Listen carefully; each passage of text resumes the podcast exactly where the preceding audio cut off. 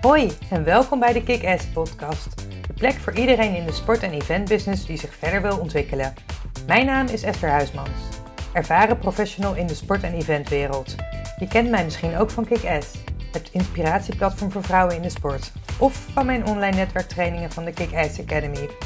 In deze podcast deel ik mijn tips en ervaringen en maak ik je deelgenoot van de weg die ik als ondernemer aan het afleggen ben.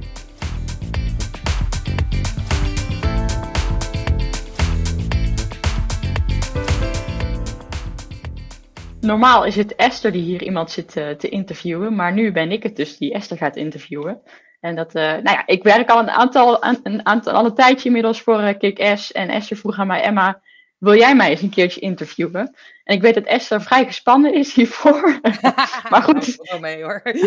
maar het is spannender dan, dan als ik zelf mag gaan interviewen. Ja, ja precies. Dus, maar goed, voor mij is het ook nieuw, dus ik, voor mij is het ook een hele compleet nieuwe ervaring. Maar goed, ik ben, uh, ik ben niet vies van om een keer in het diepe te springen. Dus ja, ik, uh, laten we gewoon meteen starten. En vooral eventjes voor iedereen die zit te kijken. Leuk dat je kijkt ten eerste. En laat vooral ook even een comment achter, een vraag achter als je die hebt. want dan gooi je hem er meteen in en dan kan ik hem aan Esther stellen.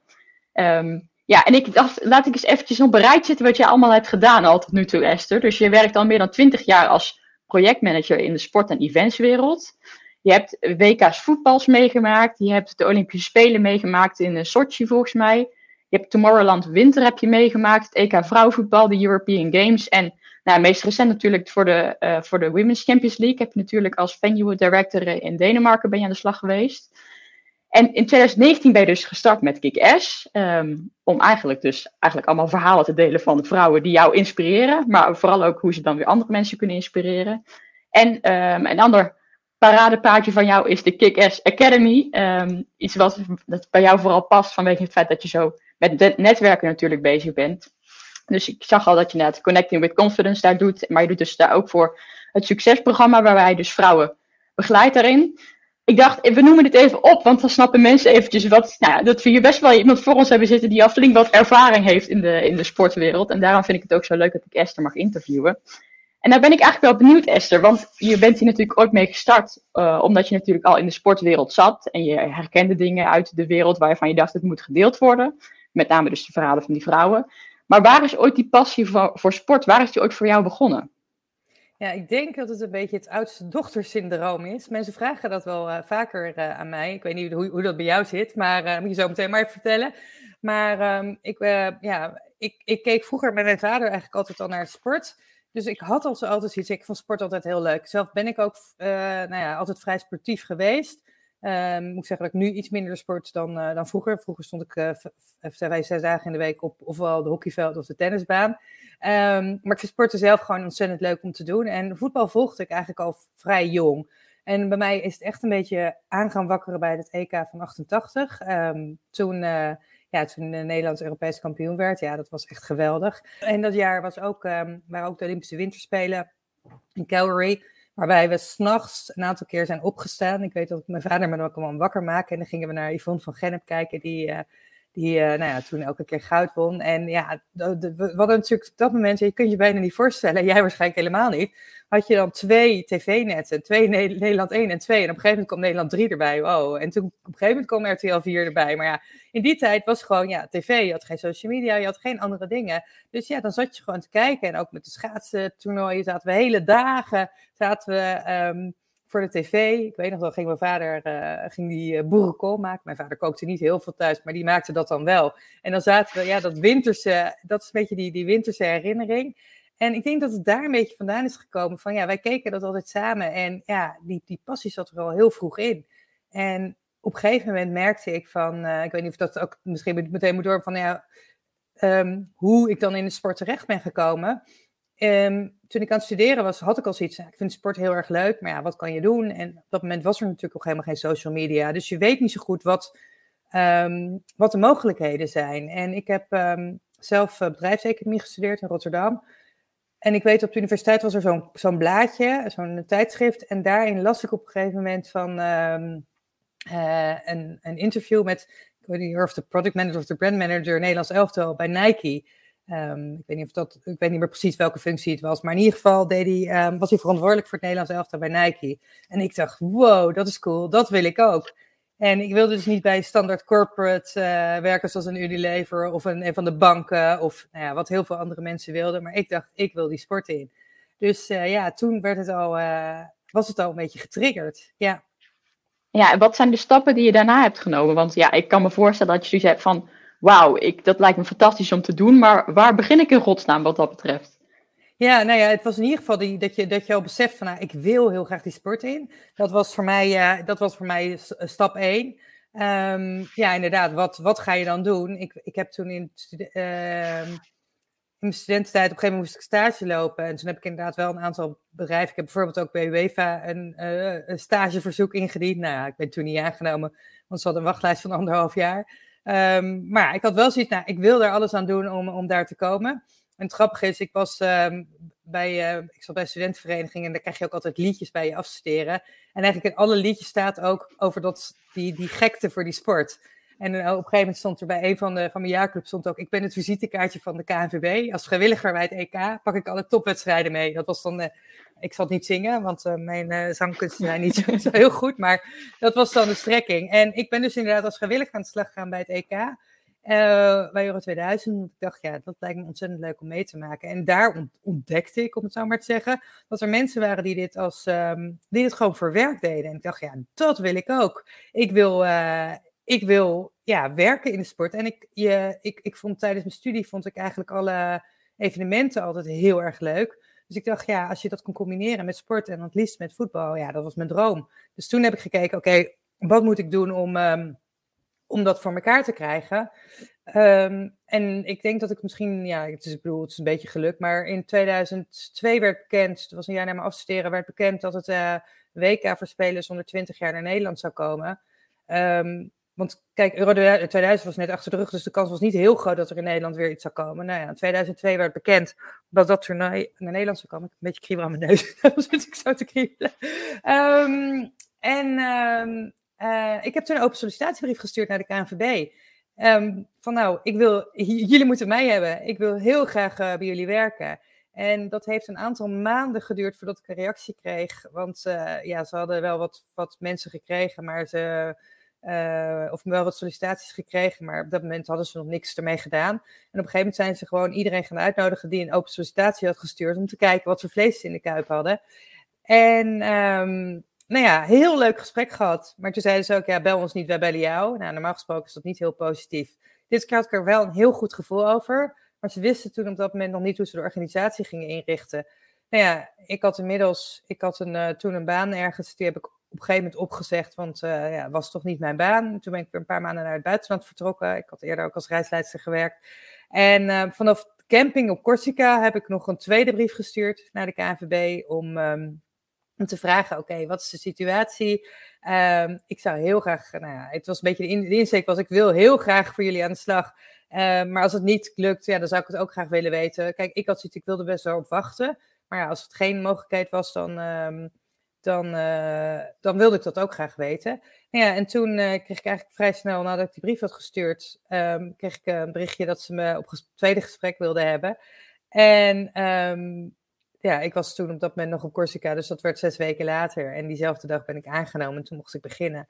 En um, dus een maand later ben ik begonnen. En weet je, als het balletje eenmaal begint te rollen, ja, dan blijft het wel rollen. Je moet ergens die uh, voet tussen de deur krijgen, om het zo maar te zeggen, in de sportwereld. Maar als je eenmaal binnen bent, dan is het, um, ja, dan wordt het wel een stuk makkelijker. Die ervaring en dat netwerk is gewoon heel belangrijk daarin. Ja, precies. En ik vond het wel interessant, want ik las op op jouw website dat eigenlijk, want je vertelt het nou alsof het eigenlijk vrij soepel ging. Je had er wel wat doorzettingsvermogen voor nodig. Maar je vertelde op een gegeven moment op jouw website, zag ik onder andere staan van. Het was best wel uh, lastig in het begin, omdat ik merkte dat ik heel hard aan het werk was. Ik deed echt heel hard mijn best. Um, maar ik werd niet altijd, uh, ja, altijd even goed gezien. En daardoor, nou ja, misschien groeide je daardoor minder snel door. Was dat ook iets wat je meteen toen al hebt ervaren?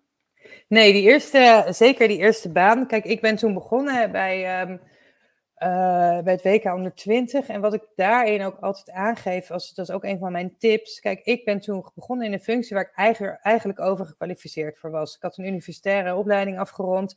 Ehm, nou, we hadden het net al in het vorige gesprek over, over universiteit. Ik zei, ik hecht nooit zo heel veel waarde aan het papiertje, maar ik ben wel blij dat ik het heb.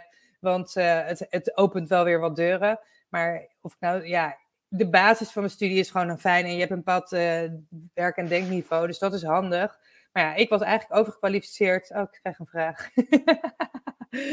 ik, krijg een, uh, ik zie een opmerking komen van, uh, van Arno, mijn collega van dat toernooi. Ik zeg, dus zeggen mensen ook altijd van ja, wees bereid om um, ja, misschien iets aan te nemen wat, wat, waar, je, waar je misschien overgekwalificeerd voor bent. Om omdat je in zo'n organisatie kun je altijd jezelf bewijzen en kun je laten zien wat je, wat je waard bent. Um, en op dat moment voor mij was echt meer de, de, de, het belangrijkste was om binnen te komen, om die voet tussen de deur te krijgen. En ik heb altijd, zeg altijd geinen, uh, geinend of grappend, zeg ik, uh, ik had zelfs de vuilnisbakken willen buiten zetten, als dat, het, als dat mijn taak was. Want ik wilde gewoon binnenkomen in die sportwereld. En weet je, toen mij tijdens mijn eerste gesprek zeiden ze, oké, je hebt geen ervaring. Ik zei, ja, ik moet ergens beginnen ervaring op te doen. Ja, en ze hebben me gelukkig toen die kans gegeven. En dat is voor mij heel waardevol geweest. Maar ik heb ook wel eens gesprekken gehad in die jaren daarna met, met mensen die dan wij, wij moesten aannemen. Ja, die voelden zich gewoon te goed om bepaalde werkzaamheden uit te voeren. Ja, en ik denk, soms moet je misschien eventjes iets doen um, waar, je, ja, waar je dus, ja, ik zeg niet over niet te, niet te goed, ik voelde me er absoluut niet te goed voor, maar ja, ik had misschien wel iets meer in mijn mars. Maar het mooie was dat ik daardoor ook heel veel naar me toe heb kunnen trekken en dat op me heb kunnen nemen. En dat niet gezien worden, nee, dat was het de eerste, eerste periode niet. Wat ik wel had, is dat ik merkte dat ik, ja, ik werkte gewoon altijd kei en keihard. Ik wilde altijd gewoon heel erg mijn best doen. Ik was bang om een soort fouten te maken. Ik was een beetje perfectionist. En, um, en nou ja, ik ben eigenlijk de eerste jaren is van project naar project naar project gegaan. En je hebt dan het idee, als je maar goed je best doet, nou, dan komt het allemaal wel goed. Nou, dat kwam de eerste paar jaren ook wel goed. Er werd echt gevraagd voor het, andere, voor het een na het andere project. Maar op een gegeven moment stopte dat een beetje. En wat ik toen besefte is van ja, je moet ook gewoon af en toe zelf je vinger opsteken. En je moet zelf daar veel meer je best voor doen. In plaats van, oh, als je maar goed genoeg je best doet, dan word je wel gezien. En wij vrouwen zijn er in het algemeen net wat minder goed in dan heel veel mannen. Die laten gewoon zien wat ze doen, wat ze neerleggen. En ik heb op een gegeven moment echt bergen werk verzet. Maar dat deed ik op de achtergrond. En eigenlijk zagen heel weinig mensen wat ik daar, um, wat ik daar aan deed. En um, dat, is helemaal, dat is helemaal niet per se erg. Maar je mag af en toe wel even ervoor gaan staan wat, je allemaal doet. En daar ook trots op zijn. En ja, toen ik begon met werken was er eigenlijk geen social media. Dus toen was het ook wat minder um, dat je daar op die manier mee bezig was. Alleen, ja, wij vrouwen vinden het vaak niet heel bijzonder. En als jij dat lijstje opnoemt wat ik allemaal heb gedaan, denk ik ook, oh ja, het is echt wel een mooi lijstje. Um, maar denk je ook, ja, maar ja, het is gewoon een soort van normaal. En dat is het natuurlijk niet. Dus, um, dus ik besef ook dat ik daarin ook een voorbeeld kan zijn voor anderen. Om te laten zien van, oké, okay, maar sta, laat zien waar je voor staat. En draag dat uit, want dat kan ook anderen weer inspireren.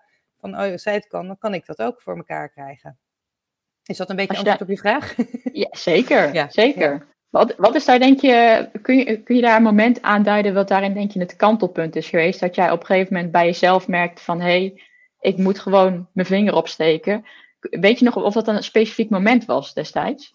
Um, ik zit te denken of dat specifiek moment was. Maar nou, het is bij mij, ik merkte op een gegeven moment na zoveel jaar werken, dat het echt van de ene naar het andere project doorliep. Ja, dan heb je niet eens zoveel tijd om daar heel erg bij stil te staan. Um, dus, dus bij mij was het eigenlijk toen op een gegeven moment mijn laatste uh, project, nou niet mijn laatste project, maar dat ik het, uh, de kandidaatstelling voor het WK voetbal had gedaan. En na 2,5 jaar hadden we het niet binnengekregen. En toen daarna lag het ineens even stil. En dan heb je even een moment van reflectie. Want op het moment dat je maar doorgaat en doorgaat en doorgaat, sta je eigenlijk niet stil bij wat je doet. En ik had um, inmiddels uh, een jaartje of negen gewerkt. Um, heb waanzinnig mooie dingen gedaan. En toen was het wel zo'n moment van reflectie. Ja, en nu? Wat ga ik nu doen? En die periode, die jaren daarna, waren toch een beetje van, nou, misschien waren het eerste zeven vette jaren. En toen was het even weer zoeken. Oké, wat wordt de volgende stap? Wat is nu een logische stap? Ik heb zoveel moois mogen doen. Hoe ga ik nu verder? Um, dus het, het, begon op dat moment al een beetje te spelen, maar er is niet één moment geweest van ik moet mijn vinger opsteken. Wat ik door alle interviews die ik bij, bij, door, bij heb gedaan, zie ik natuurlijk wel veel meer van oké, hoe belangrijk dat is. Maar zelf ook, ik heb het in het verleden ook te weinig gedaan. Ik heb heel veel van mijn opdrachten via mijn netwerk binnengehaald, maar ik vond het dan ook lastig om op LinkedIn iets te posten van uh, oh, ik ben op zoek naar iets, want dat voelt dan een beetje als ja, misschien van, oh ja, loser of whatever. Ik weet niet, hè? je hebt allemaal stemmetjes in je hoofd. Ehm, en nu denk ik, ja, maar als, als jij niet laat weten um, wat je wil en wat je ambities zijn, ja, hoe kunnen anderen je daar dan mee helpen? Dus um, dat is bij mij in de loop der jaren wel steeds meer, dat steeds meer naar voren gekomen. En het is niet één specifiek moment geweest dat ik, uh, dat ik daar mee aan de slag ben gegaan. Nee, nee. Of in ieder geval dat dat binnenkwam. Nee. Was die, dat, dat moment van reflectie, was het ook een moment waarop je ging nadenken van wat breng ik nou eigenlijk? Wat zijn de eigenschappen die ik meeneem, zeg maar? Dat, want ik kan me goed voorstellen dat je op zo'n moment, nou ja, wel zoekende bent. Omdat je denkt van, hé, maar ik heb net allemaal fantastische projecten gedaan. En nu sta ik hier soort van met lege handen, kan ik me goed voorstellen. Ik kan me ook goed voorstellen dat je dan wel bezig bent om, zeg maar, ja, het unieke in jezelf te vinden. Wat, wat ben je daar toen tegengekomen? Ik vind het een mooie, mooie vraag. Nou, mijn neus is zo, ik doe even zo. um, die, nou, wat ik heel mooi vind, want jij, wat, precies wat jij zegt, dat heb ik ook gevoeld van, ja, daar sta ik nu weer met lege handen.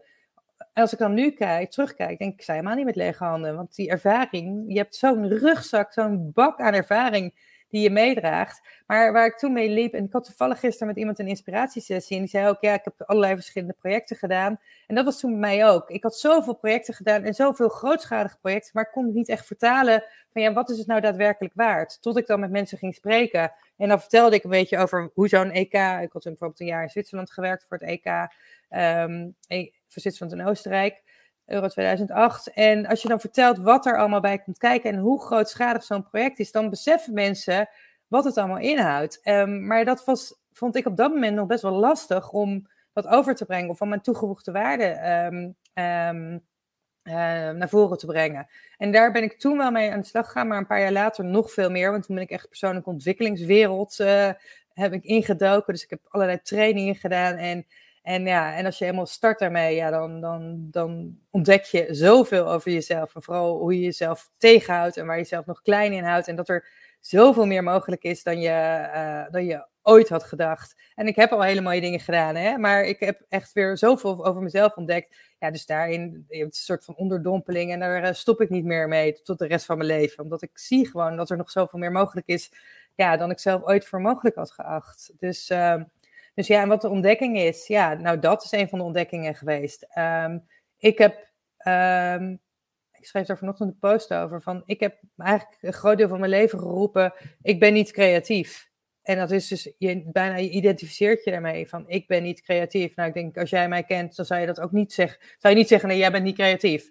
Maar dat heb ik altijd gedacht, want ik kon niet tekenen, ik kon niet, uh, ik was niet zo goed in al die, uh, als ik opstel moest schrijven en ik moest over een bepaald onderwerp, nou, een werkstuk schrijven prima. Dat ging goed af. Uh, als ik een samenvatting van een boek moest doen of whatever. Daar was ik altijd heel goed in. Maar als ik echt zelf een onderwerp moest bedenken en daar iets over moest schrijven, nou, dat kon ik niet. Dus ik vond mezelf niet creatief.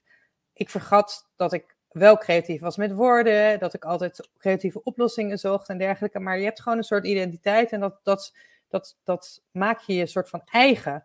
En daarmee beperk je jezelf dus heel erg. En een aantal jaar geleden heb ik een. Uh, oefening daarmee gedaan. En toen was, moesten we inderdaad dat gaan omturnen. Toen moesten we eigenlijk, het was in, in, uh, in Engeland, bij, het was bij Tony Robbins. En uh, toen moesten we in plaats van zeggen, nou, in, je moest dus in plaats van zeggen, ik ben niet creatief, zeggen, oké, I'm creative. Maar die kwam bij mij niet helemaal over. En toen zei op een gegeven moment iemand waarmee ik die oefening deed, zei, als maak je ervan, I'm a creator. Toen dacht ik, ja, dat klopt wel. Dat voel ik ook helemaal. Ja, en dat ik nu um, podcasts maak, dat ik bijna wekelijks inspiratieboost schrijf, dat ik dit allemaal heb opgezet. Joh, als je me de tien jaar geleden had verteld, dat ik je uitgelachen. Dus daarin, het is zo mooi om jezelf weer te herontdekken. En ik vind het gewoon heel leuk ook om met jou samen te werken. Jij bent natuurlijk uh, een stukje jonger dan ik. Ik leerde ook weer van jou. En waar ik tien jaar geleden dacht, nou, ik weet het allemaal wel. Ik moet het, uh, weet je wel, dat je, dat je weer open staat om te leren. En jezelf ook gunt om nieuwe dingen te doen, gunt om fouten te maken. Um, die leercurve gunt. Ik um, maak podcasts, die zijn nog bij lange na niet perfect. Maar ja, wat is perfect? Maar ik doe het wel. En, en dat is zo ontzettend leuk. Ik ben vlogjes gaan maken. Nou, als, je dit, dat, als ik dat ook een aantal jaar geleden had gehoord, dacht ik ook, nou, no way. En, en al die stemmetjes, wie zit er nou op mij te wachten? En wat zullen ze wel niet van me vinden? En whatever. Heb ik allemaal mee rondgelopen. Maar het is gewoon heel leuk. En ook als je jezelf ja, dat gunst, daar, daar word je alleen maar een heel erg een veel rijker mens van. Dus um, ja. Dat geloof ik zeker. Ja, als je, als je het verhaal zit te vertellen, heb ik zoiets van: wanneer komt het boek uit? Zeg maar, dat idee krijg ik altijd een beetje. Die, die, die komt, nou, ik, was, ik was vorig jaar begonnen met een boek over netwerken en ik heb het toch even geparkeerd. Ik merkte dat op dat moment gewoon het moment niet was. En dat is ook oké om dan te zeggen: ik heb al ooit een boek geschreven over netwerken in mijn studietijd. Uh, dat was onderdeel van mijn afstudeerscriptie. En um, netwerk heb ik ook nooit als iets heel bijzonders gezien, tot heel veel mensen tegen mij zeiden: ja, jij. Uh, bent daar heel goed in. En ik was helemaal niet van de netwerkborrels en zo. Maar ik ben wel, ik ken wel heel veel mensen. Dus ik had altijd wel mensen, ik breng altijd wel graag mensen bij elkaar. Een beetje de verbinder. En um, ik, ik noem het connecting, want ik zei ook, ik had, ik had een cursus uh, verbinden met. Uh, verbinden met vertrouwen, dan, of verbinden met zelfvertrouwen, dan moest ik denken aan een EHBO-cursus in plaats van connecting with confidence. Maar um, maar ik was er dus toen mee, mee, begonnen en ik merkte van nee, het is nu gewoon het moment niet. Er zijn nu andere dingen die spelen en ja, misschien wordt het dan wat breder verhaal, misschien gaat het over netwerken. Het, het gaat denk ik ooit wel komen, maar het is soms ook goed om uh, dingen eventjes, uh, nou ja, even op de boekenplank te leggen. Het komt nog wel. Ja, en als we dan, als we dan terug gaan kijken naar het moment dat jij op een gegeven moment uh, onder andere aanwezig was bij het WK voetbal in 2018 in Brazilië. Ik weet dat heel... Rusland. Rusland. Oh, was het ook Rusland? Ja, ja, Rusland. Ja, ja, belangrijk ik weet dat heel veel mensen altijd aan jou vragen van, ja maar Esther, hoe kom je dan bij de FIFA terecht? Of hoe kom je bij de UEFA terecht? Dus nou is mijn vraag, hoe kom je daar terecht? Want ik ben ook wel benieuwd. Ja, um, nou ja, ik heb bij UEFA dus verschillende projecten gedaan. Ik heb uh, bij, nou, bij de KNVB natuurlijk in eerste instantie, dat was gewoon door een sollicitatie. Het EK in 2008 ook via sollicitatie. Maar toen kenden ze me dan wel al, dat scheelt. En dat je ervaring hebt, dat helpt ook wel mee. En bij, uh, bij FIFA en bij UEFA nu voor de Champions League ook, dat zijn functies waar je niet op kan solliciteren. Dus dat is echt wel via je netwerk. En daarom hamer ik er ook altijd zo op van je netwerk is heel belangrijk, maar ook je netwerk laten weten dat je dit wil. En um, kijk, um, bij FIFA, ik heb toen een oud collega, iemand die ik uit 2005 al kende, die heb ik op een gegeven moment een berichtje gestuurd. Nederland had zich niet gekwalificeerd voor het WK. En ik dacht, ja, ik wil eigenlijk daar wel wat doen. Dus ik heb hem gewoon een berichtje gestuurd van, joh, wie ken jij? Of ken jij nog organisaties die iemand zoeken, die ervaren iemand zoeken? Oh, krijg een leuke Russische, Russische opmerking. Nou ja, dat kan ik niet, um, kan ik niet doen. Maar um, ik zeg, ken jij nog iemand die, die op zoek is naar mensen? Want hij, hij kende weer zoveel mensen. Dus ik heb hem gewoon gevraagd van, joh, weet je nog uh, uh, bedrijven die, die een ervaren iemand zoeken die mee kan werken? Ik had natuurlijk al heel veel ervaring op dat moment. En um, hij zei, um, um, nou ja, ik zal het mee even nadenken. Maar goed dat ik het weet. En toen twee weken later zei hij, nou, ik wil je in mijn team hebben. Ja, en dat was eigenlijk nog mooier dan ik had durven dromen. En toen werd ik voor Viva Marketing ingezet. Terwijl ik nooit een specifieke marketingrol heb gehad. Ik heb wel altijd zijdelings ermee te maken gehad. Ik heb marketing ook in mijn studie gehad. Maar ik heb nooit echt een specifieke marketingrol gehad in mijn... Uh, in mijn projecten. Alleen ja, omdat ik zoveel ervaring had van al die toernooien, was dat eigenlijk prima te doen. En was ik ook een van de meer ervarende personen zelfs. Dus, um, dus ja, het is gewoon vragen, durf je vinger op te steken. Je netwerk is daarin heel belangrijk, maar ook het onderhouden van je netwerk. En dat is wat, wat, ik, wat ik in mijn training heel erg naar voren laat komen. Um, stuur af en toe eens een keer een berichtje. Geef er af en toe eens wat aan. Want ik bedoel, um, het is ook een beetje een gunfactor. En bij UEFA nu voor de Champions League is het ook. Um, ja, ik wist op een gegeven moment dat ze weer op zoek waren naar mensen. Dat had ik weer van iemand gehoord. En die zei van ja, geef me je cv, dus leg ik op de stapel. Maar daar kan je niet op solliciteren. Dus dan moet je echt horen. Ze moeten je kennen uit het wereldje, om het zo maar te zeggen. Ze moeten weten waar je toe in staat bent. En dan is het nog steeds een soort sollicitatieprocedure. Maar ja, je moet wel al een paar stappen hebben gezet om daar te komen. En ik kende niet de personen die, die, die daar in eerste instantie over gingen. Alleen Priscilla Janssens, die kende, uh, ken ik wel. En die zei op een gegeven moment van ja, ze gaan weer op zoek. Ze hebben vanaf volgend seizoen weer mensen nodig. Dus uh, je kunt nu nog een keer je interesse aangeven. Nou ja, en toen ben ik er doorheen gekomen. En dit is iets wat ik al jaren wilde. En zij wist ervan, gelukkig. Dus um, ja, dus dat helpt dan. En dan helpt het natuurlijk dat ik die ervaring heb. Ik bijvoorbeeld uh, als UEFA als venue manager gewerkt tijdens het EK vrouwen. Ik heb natuurlijk voor UEFA gewerkt. Ik heb bij de FIFA gewerkt. Dus die ervaring van al die toernooien neem je natuurlijk mee. En dat helpt wel op het moment dat je zo'n functie moet gaan uitvoeren. Ja. En dan heb je al die, al die toernooien heb je dan meegemaakt. En dan zit je eigenlijk op de positie waar je altijd al van droomde. En dan kies je er in 2019 toch voor om toch op de een of andere manier dieper weer in te springen en dan kick-ass te starten. Je zou ook kunnen zeggen van, ik zit nou gewoon op mijn plek en that's zit en ik ga dit lekker gewoon doorzetten zoals ik dat doe. Maar toch besloot je om kick-ass op te zetten. Waarom? Ja, nou ja, dat is een beetje, ik wil zeggen dat er zijn een aantal redenen. Bij mij was het, ehm, ik liep al een aantal jaar met zo'n idee rond van nou, ik wil dus al die verhalen van al die vrouwen. Ik had zoveel, nou Priscilla noem ik net al, er zijn meer van, die, van dat soort vrouwen die zulke mooie verhalen hebben, zulke bijzondere dingen doen. Priscilla is bijvoorbeeld de eerste vrouwelijke uh, venue director bij UEFA. Dus zij heeft in 2004 is daarmee gestart en toen waren er geen vrouwen. En toen zei ze ja, dan moet ik, iemand moet toch de eerste zijn. Dus, um, um, dus en dat is gewoon heel mooi. Zij was de eerste vrouwelijke general coordinator bij FIFA, bij een eindtoernooi, bij mannen-eindtoernooi. De eerste vrouw die werd aangesteld, namelijk samen met een andere vrouw, om dat te doen. Maar ja, dat zijn heel vaak bescheiden vrouwen, die zien we niet. En op het moment dat je ze niet ziet, dan weet je ook niet dat die mogelijkheid er is. En nou ja, zo ken ik heel veel van dat soort vrouwen. En ik dacht, ik wil daar ooit eens een boek over schrijven. Maar ja, van die, dat zijn van die ideeën die dan op de plank liggen en dat je denkt, nou, dat komt wel, maar dat gaat eigenlijk, eigenlijk komt dat nooit. En op een gegeven moment ben ik... Um, ja, die vrouwen gaan interviewen. Ik ben gewoon een aantal vrouwen waarvan ik dacht, nou, die vind ik interessant, die kende ik nog niet. Uh, ben ik uh, gaan benaderen van, joh, in plaats van gaan we een keer koffie drinken, want ja, uh, weet je, what's in it for them? Zeg ik, ja, mag ik je eens interviewen over jouw drijfveren, over nou, hoe je het ver bent gekomen? En toen heb ik inderdaad onder andere Priscilla, maar ook een aantal vrouwen die ik niet kende. Esther Roelofs van NOC-NSF, op dat moment, of in ieder geval had ze net gezeten. Leonie Blokhuis van Flowsports. Die ben ik gewoon eens gaan benaderen en hele leuke gesprekken mee gehad. En toen zei een vriendin van mij, want ik, ik zei ja, een boek. En toen zei ze, ja, maar begin je niet met een blog? Dan kan je daar altijd nog een boek van maken. En toen dacht ik, ja, waarom niet eigenlijk? Dus ja, voor mij was het een soort van ode aan al die mooie, bijzondere vrouwen die er zijn. En om, om nou ja, het, tweede onderdeel is ook, ja, if you want to change, be the change. Dus als jij verandering wil creëren in de sportwereld, wat kan je daar zelf dan aan doen?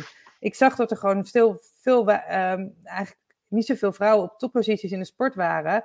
Um, maar dat komt, komt ook omdat je ze niet ziet, omdat er geen vrouwelijke rolmodellen zijn. Um, en dan kan je wel blijven wijzen naar anderen, maar wat kan je nou zelf veranderen? En dat was voor mij de reden om dat te doen. En daarnaast, weet je, ik vind die projecten nog steeds super leuk om te doen. Um, maar ik merkte op een gegeven moment wel dat ik niet um, vijf maanden of acht, ik heb in 2014 acht maanden bijna in het buitenland gezeten. Ja, dat wilde ik op een gegeven moment ook niet meer. Dus dan moet je een keuze maken, oké, hoe ga je nou verder? En toen heb ik voor mezelf, oké, okay, mijn ideaal scenario heb ik even een soort van uitgetekend.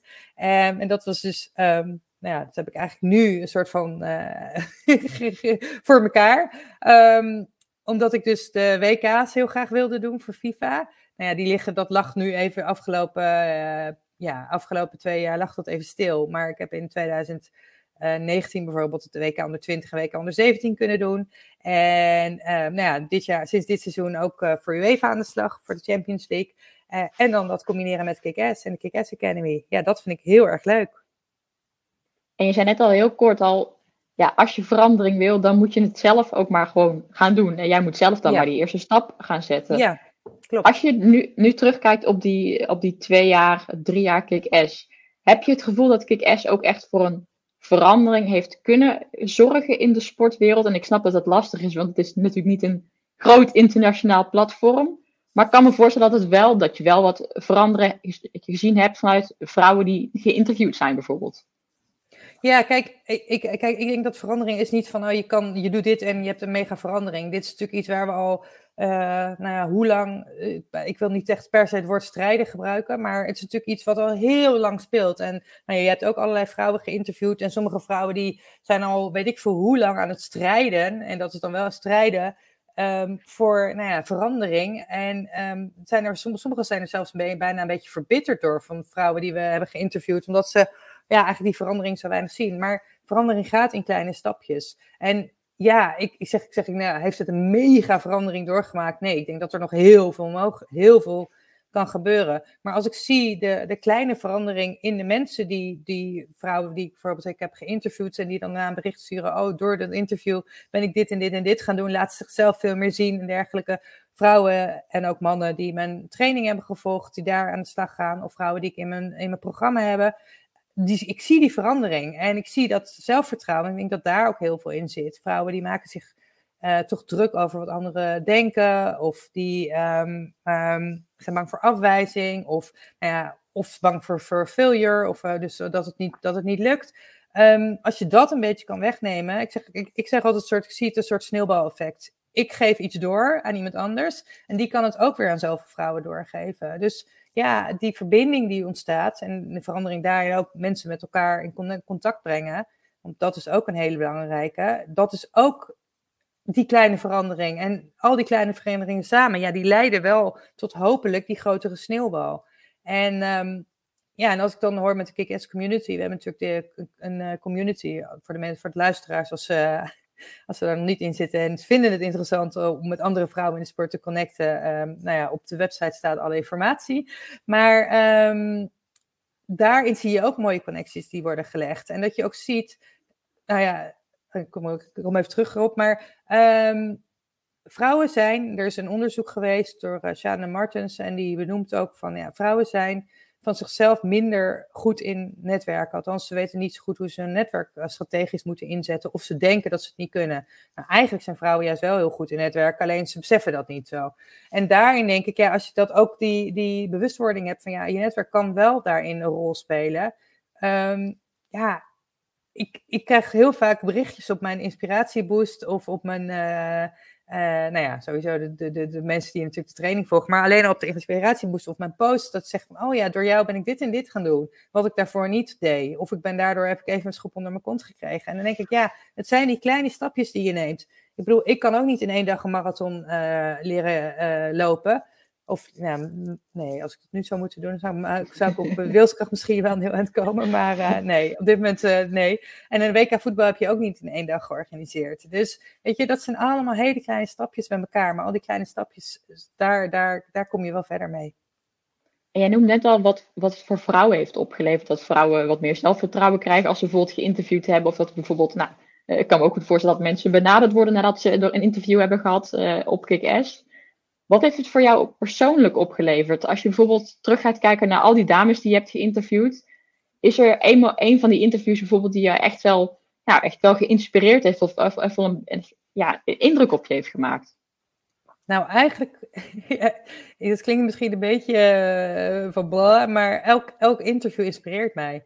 En dat vind ik heel leuk, omdat je, weet je, ik denk dat mensen niet zo goed beseffen dat iedereen heeft een verhaal te vertellen. En ik heb ooit bij uh, Sarayda Groenhart uh, daar ook over een training over ge, ge, gevolgd. Maar iedereen denkt, ja, maar mijn verhaal is niet zo interessant. Maar elk verhaal is interessant. Iedereen heeft een mooi verhaal te vertellen. Dus al die interviews zijn leuk. En bij elk interview pak je er wat anders mee. En laatst had ik een, uh, een uh, Amber, had ik een jonge voetbalster. Nou, die is 23 en als je dan haar drijf meekrijgt, denk ik, oh, ik wou dat ik uh, dat had, wat meer had toen ik haar leeftijd was. Dus dat vind ik heel leuk. Ik heb met Anneke van de voorzitter van NSNSF, die heb ik op een gegeven moment benaderd, want die zag ik ergens staan.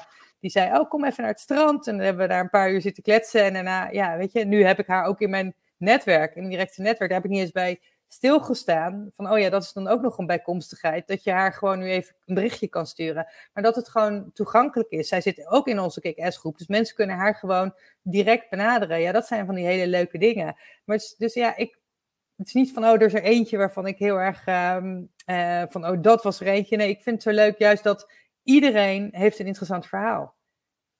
En, en die verhalen je uit wie je ook bent daarin. Ja, ja. En die verhalen die kun jij denk ik ook dan wel weer heel goed gebruiken als jij iemand anders begeleidt via jouw mentorprogramma bijvoorbeeld. Ik was benieuwd, heb jij nou zelf eigenlijk iemand in je leven gehad die echt een, ja, echt een mentor voor jou was? Ja, ik heb er een aantal daarin. Ja, ja. Um, sowieso toen ik begon met werken, mijn, uh, weet je, ja, het is Weet je, het grappige is, ik heb, ik heb op een gegeven moment een dame gecoacht en die zei, ja, het is zo, um, uh, zo lastig, want je gaat dan, je gaat dan eerst school, dan ga je studeren en dan ga je, weet je, je hebt elke keer begeleiding en dan op een gegeven moment moet je gaan werken en dan pak je eerst de baan en dan merk je, hm, het is toch niet zo. En ze, dan is ook die begeleiding weg. Daarom vond ze het heel fijn om met mij aan de slag te gaan, om gewoon eventjes iemand die wat meer ervaren was, die kon op die manier naar haar kijken. Um, um, vond, dat vond zij heel erg prettig. En vooral als je dan ook ervaring hebt in deze branche. Ja, en ik heb daar in mijn verleden ja, een aantal managers. Ik heb bijvoorbeeld bij de KNVB eh, drie projecten gedaan. Nou, dan had ik met dezelfde, uh, dezelfde mannen, het waren dat in dat geval, um, heb ik mee te maken gehad. En uh, dan moet ik ook vooral, nou, Harry Been komt bij mij nu heel erg naar voren. Um, die heeft me daarin, die heeft me gestimuleerd eigenlijk. Die was een geweldige presentator bijvoorbeeld. Ik vond presenteren doodeng toen ik, uh, nou ja, zeker in mijn studietijd. En ik zei ook, ja, hoe leer je dat? Hoe, heb, hoe ben je daar zo goed in geworden? Ik dacht, dus, ja, dat heeft hij natuurlijk gedaan. En hij zegt, nee, gewoon doen, gewoon oefenen. En op een gegeven moment kreeg hij een verzoek voor, um, uh, om een gastcollege te komen geven. Zei hij, ja, ga jij het maar doen, weet je wel? Dus hij duwde me dan af en toe ook gewoon naar voren om dat soort dingen te doen. En um, en dat was heel fijn. En dus ja, daarin, eh, dat, is iemand. Maar ik heb bijvoorbeeld Cinta van Pelt. Dat is um, een uh, vriendin van mij. En wij hebben meerdere toernooien samengewerkt. Zij is directeur van de Gelderse Sportfederatie. En zit ook in de Raad van Toezicht van uh, de KNVB. En zeker rondom die toernooien, ja, dan hebben we elkaar nou ja, bijna dagelijks aan de telefoon. Om heel veel te schakelen. En nu ook af en toe als er iets is. Maar Priscilla noemde ik net ook al. Dat is ook een vriendin van mij geworden. Ja, daar kan ik ook mee schakelen. Um, dus er zijn een aantal personen daarin die daar een rol in spelen. En daarnaast bij mijn persoon, bij die, ik heb heel veel van die trainingen gevolgd of heel veel ja, eigen programma's gevolgd persoonlijke ontwikkeling. En daarin heb ik ook een aantal, ja, aantal coaches gehad die daarin uh, een grote rol hebben gespeeld. Dus ja, het is niet één persoon, het zijn er, het zijn er veel. maar het zijn dus ja. zowel mannen als vrouwen ja, die je klopt, daarin ja. coacht. Ja. Ja. ja, maar het is ook mooi, want het is ook Weet je, ik had bijvoorbeeld in Engeland heb ik een programma gedaan en daar had ik een mannelijke coach, maar die had heel veel feminine eigenschappen. En zijn, eigenlijk zijn partner, die was ook een van de coaches daar, en die, had, die was veel masculiner eigenlijk. Dus dat was heel grappig. Dus ja, je pakt, je pakt van iedereen wat mee. En dat is het leuke daarin. Dus zie je ook van daarin, je leert van iedereen wat en je pakt mee wat voor jou werkt. En wat, wat voor jou niet werkt, dat kan je ook laten. En daarin vorm je je eigen mening. En uh, en dat is ook veel duidelijker naar voren gekomen mij in de afgelopen jaren. Ja. Als je nu terugkijkt naar die evenementen die je hebt georganiseerd, Kick-Ass, de Kick-Ass Academy, alle mensen die je ontmoet hebt via je netwerken, waar ben je dan het meest trots op? Zo, ja. Um, ja, het zijn een aantal dingen. Ik denk dat ik um, um, ja, ik moet even, even denken waar ik het meest trots op ben. Uh,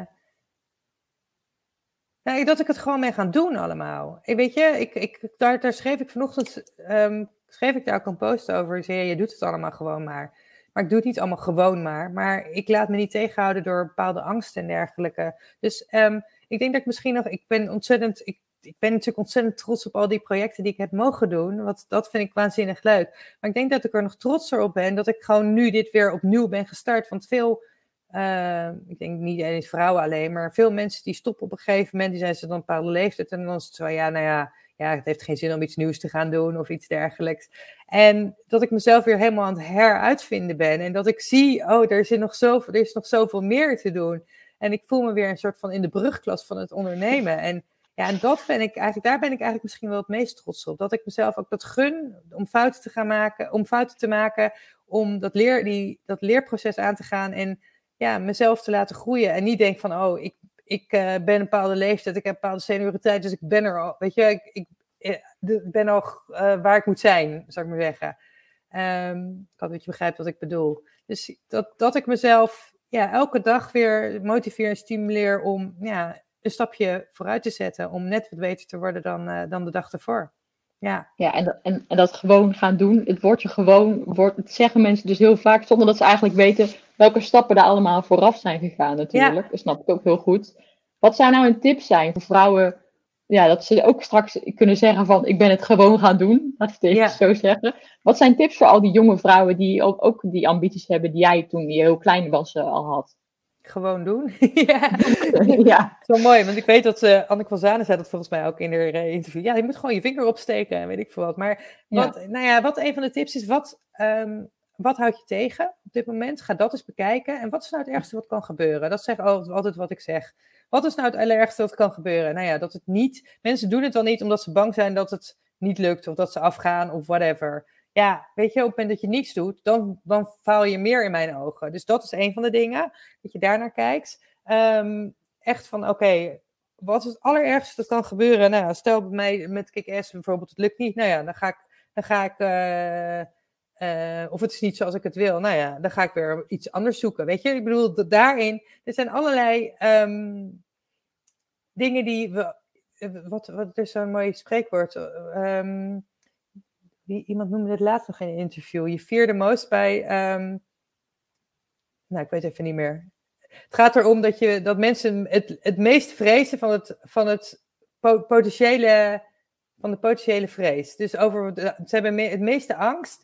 Ik kom even niet op de, op de quote, maar uh, ze hebben het meeste angst Oh ja, de mens leidt, leidt het meest door het lijden dat hij vreest. Dat is hem. Mhm. Dus, mhm. dus mensen maken al in hun hoofd, gaan ze al honderdduizend dingen bedenken waarop het niet goed kan gaan. In plaats van bedenken wat er wel goed kan gaan. En daarom komen ze niet in beweging. Nou, ten eerste kun je er alles aan doen om te zorgen dat het gewoon goed gaat. En al, al, al lukt het misschien niet helemaal zoals je plant, nou, dat is een learning. En dat is ook wat ik, weet je, ik was van een wijze perfectionist. En nu sta ik mezelf toe om te zien, oh ja, nou ja, dat misschien werkte niet zo goed. Nou, dat moet ik dan op een andere manier doen.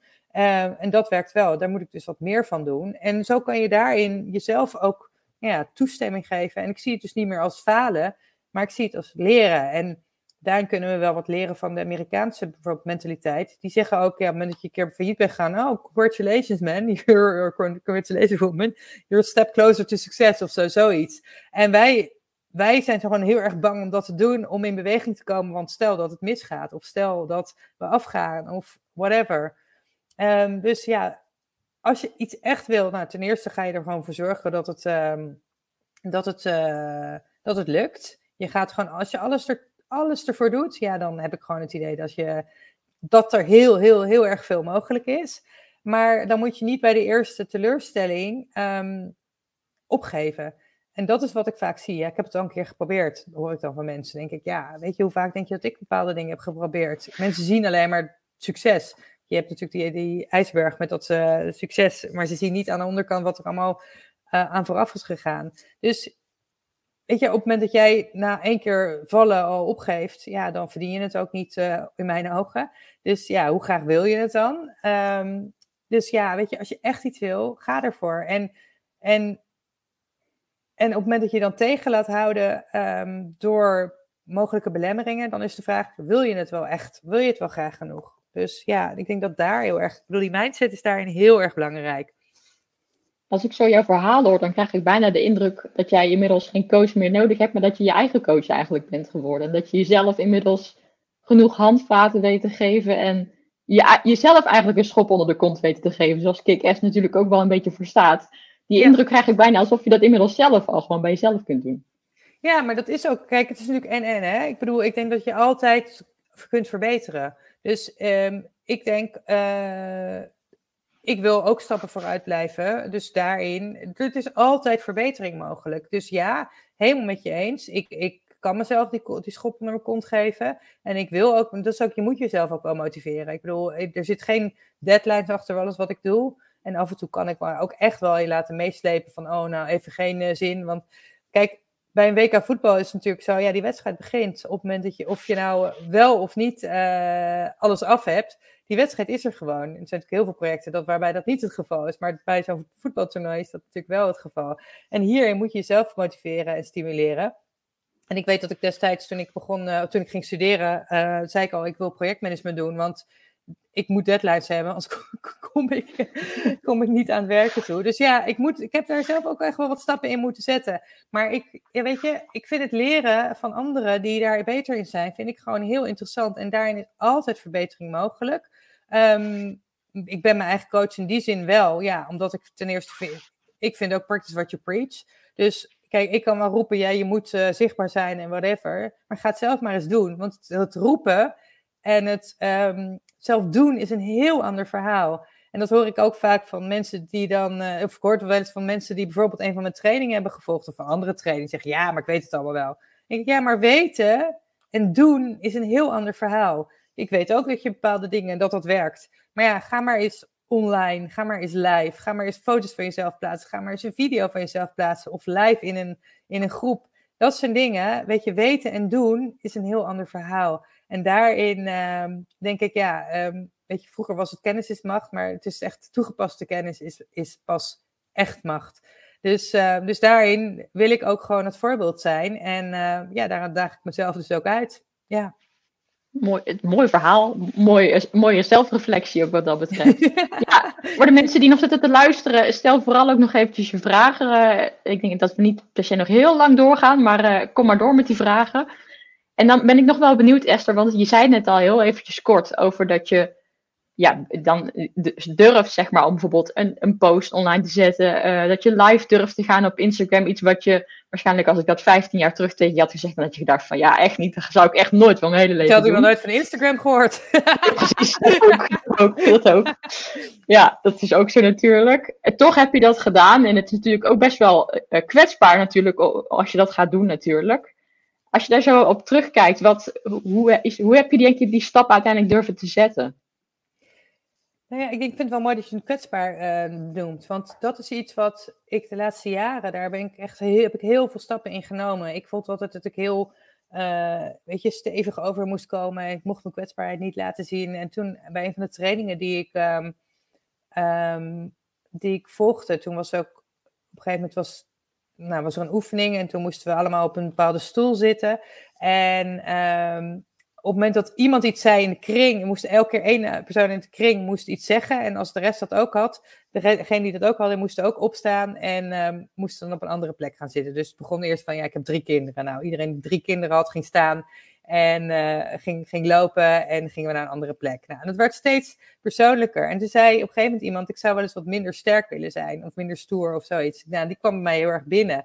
En tijdens die training kwamen er op een gegeven moment, mochten we elke morgen, mochten... Uh, mochten we ook reflecteren. Mocht je op het podium gaan zitten en mocht je je verhaal delen. En er waren dus mensen die hun kwetsbare verhaal deelden. En ik dacht alleen maar, wauw, wat ongelooflijk stoer en wat sterk. En het is helemaal niet zwak, weet je wel. Ik zag dat, dat, heeft je ogen, dat heeft je ogen geopend. Dat heeft mijn ogen geopend, ja. ja. En ook zelf en dat ik dus merkte, oh, maar dat is dus helemaal geen zwakte om mijn dingen te delen waar ik bijvoorbeeld tegenaan loop. Of ja, weet je, iedereen heeft zijn rugzak. En ik heb natuurlijk ook het nodige shit meegemaakt in mijn leven. Dat heeft iedereen. Maar dat is helemaal niet erg om dat te delen, want dat is gewoon onderdeel van jou. En um, um, dat mag je ook gewoon delen. Dus die kwetsbaarheid durf ik veel meer te tonen.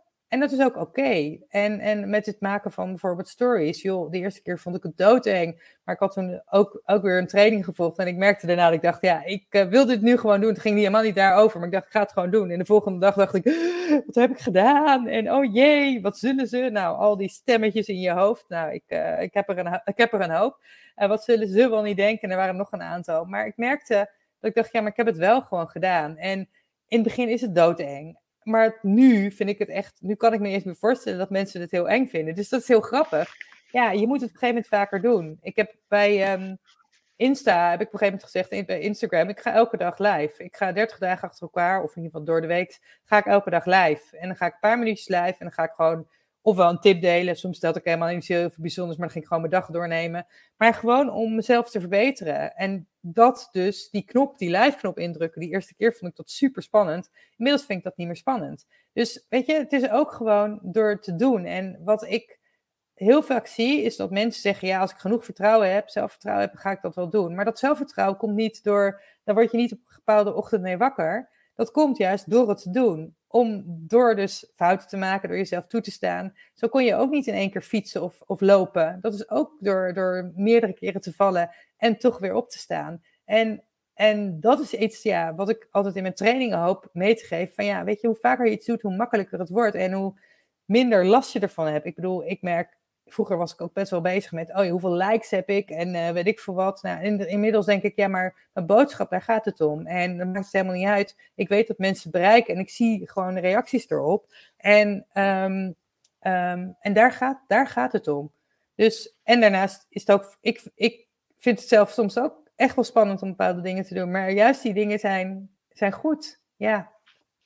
Dan krijg je misschien ook wel weer heel veel energie van. Het een soort ja. adrenaline boost waarschijnlijk als het lukt natuurlijk. Ja, zeker. Ja, ja tuurlijk, ja. logisch.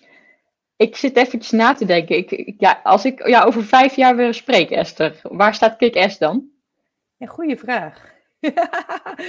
ik durf het echt niet te zeggen. Ik, zeg, ik vond het altijd bij sollicitatie vond ik dat ook een wijze rotvraag. rotvraag. Maar waar sta je over vijf jaar?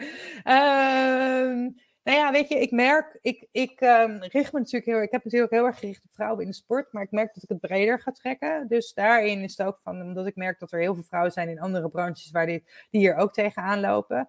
Um, maar kijk, Essie, ik vind de naam nog steeds, ik vind hem nog steeds heel leuk.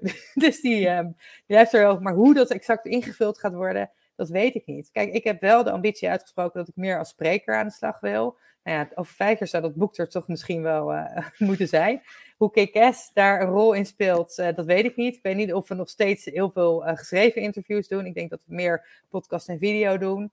Um, maar ook dat merk ik ook van, nou ja, als ik op een gegeven moment merk van, nou, dat ga ik op een andere manier invullen, dan is het ook oké. Okay. Want het is zo mega waardevol geweest wat we tot nu toe al samen hebben gedaan. En, uh, en ook met Nicky in jouw voorganger. Dat ik denk, ja, alleen dat is al, is het al helemaal waard geweest. En de les, de, de reis die ik hierin heb mogen afleggen, uh, ja, die vind ik gewoon heel erg mooi. Dus. Dat vind ik een mooi om mee te eindigen. Wil jij nog wat, uh, wil jij nog wat kwijt? Nee, volgens mij hoef ik ook niets meer toe te voegen. Ik heb een aantal Russische vrienden die, ja, die uh, Russische, Russische commentaren ja. geven, maar daar hoeven we ja. niks mee te doen. Nee, ja, nee, ik vind het super. Ik had in het begin nog jouw vraag gesteld. Heb ik helemaal niet meer, uh, heb ik, ben ik helemaal niet meer op teruggekomen. Maar dan weet ik even niet meer precies wat de vraag was.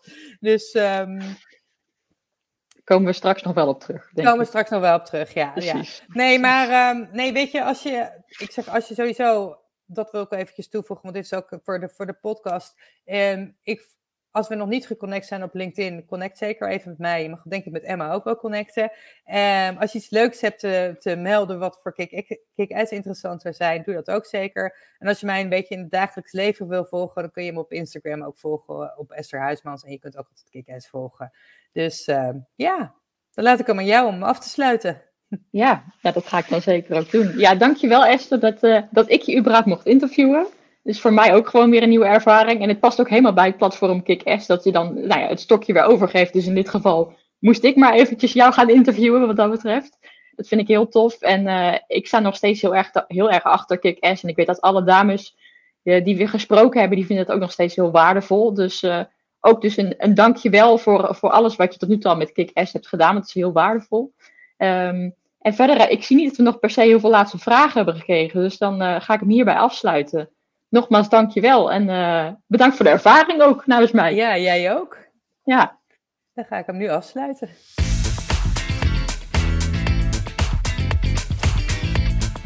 Dit was de aflevering van vandaag. Heel erg bedankt voor het luisteren. Vond je deze aflevering waardevol? Dan zou het heel fijn zijn als je een review wilt achterlaten op iTunes of op Spotify. Tot de volgende keer!